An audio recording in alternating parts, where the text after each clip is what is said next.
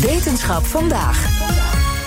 Wetenschappers uit de Verenigde Staten denken op oude beelden bewijs te hebben gevonden voor actieve vulkanen op Venus. Daar gaan we over praten met wetenschapsredacteur Carlijn Meinders. Hey Carlijn. Hoi.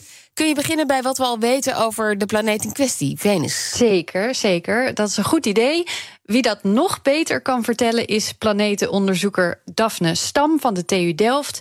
Ze neemt ons mee naar onze buurvrouw Venus, een van de acht planeten die om de zon draaien. Venus die staat een beetje dichter bij de zon dan de aarde. Dus die ontvangt meer zonlicht. Maar Venus is ongeveer even groot als de aarde. En we denken ook dat hij van hetzelfde materiaal gemaakt is als de aarde.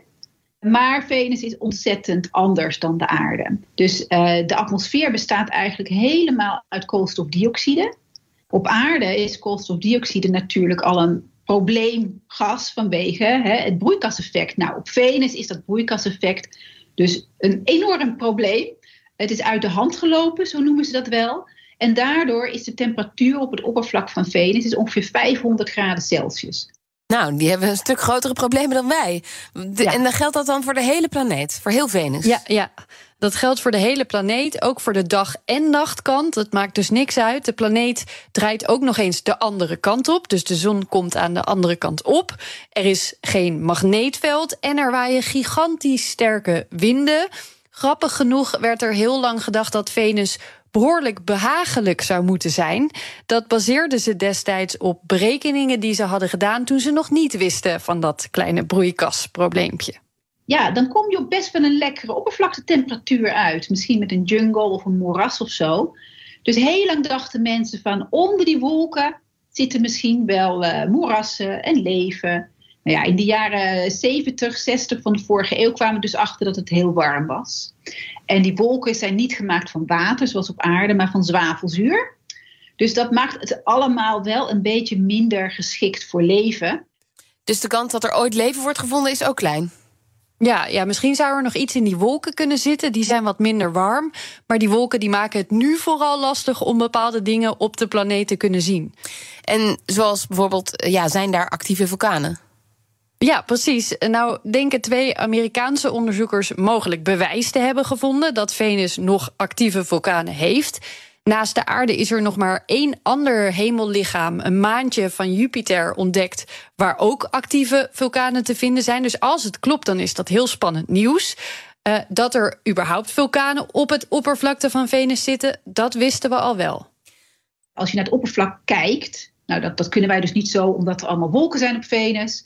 Maar het hele oppervlak is bedekt met bergen die heel erg op vulkanen lijken, zoals we die op aarde hebben. En er zijn ook kraters gevonden, maar er is nog nooit bewijs geweest voor echt een uitbarstende vulkaan. Op Mars zijn ook vulkanen, maar die doen het al lang niet meer. Dus de laatste uitbarsting daar was misschien ongeveer 65 miljoen jaar geleden. Maar op Venus zouden er nog steeds uitbarstingen kunnen zijn. Ja, en die kun je dus van buiten niet zien.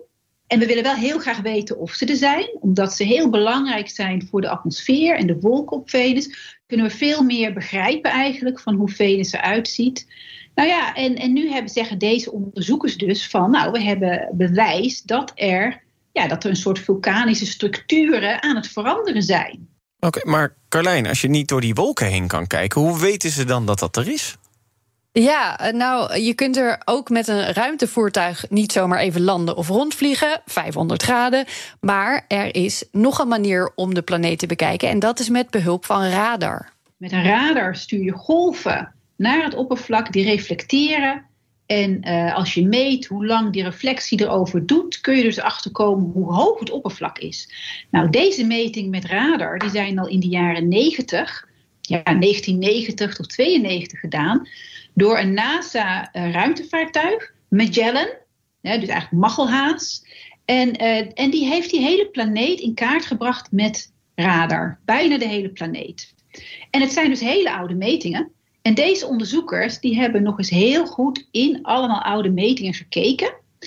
Om te kijken of ze in metingen, twee metingen van hetzelfde stukje oppervlak, of ze daar dus een verschil konden zien in bijvoorbeeld dat er iets zou kunnen zijn uitgebarsten. Ja, en dat, dat vonden ze dus.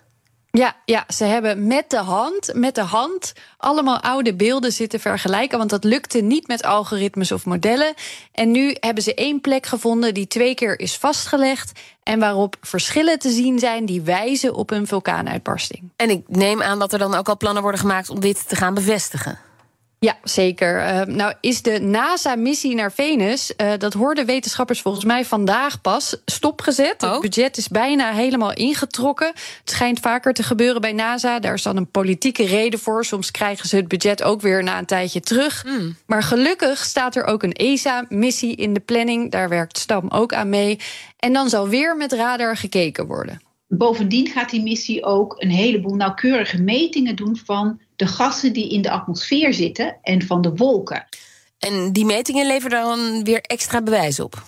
Ja, daar zouden ze het inderdaad ook aan kunnen zien als er actieve vulkanen zijn. En hoe meer we weten over Venus en over hoe deze vreemde planeet verschilt van de aarde, hoe meer vergelijkingsmateriaal we ook hebben als we kijken naar verre planeten bij andere sterren. Ja, dan is het maar goed dat we Venus nu weer een beetje beter leren kennen. Dankjewel, Carlijn Meinders. Zelfstandig ondernemen, dat is zelf beslissingen nemen, zelf successen vieren... maar ook zelf de boekhouding, zelf tijdmanagen, zelf zorgen maken... totdat het even niet meer gaat zoals je wilt. Bij Movier geloven we in zelfstandig, maar niet alleen. Helpen we voorkomen dat je stilvalt en gebeurt dat toch... dan doen we er alles aan om je bij te staan en weer verder te helpen. Movier, de inkomensverzekeraar van Zelfstandig Nederland.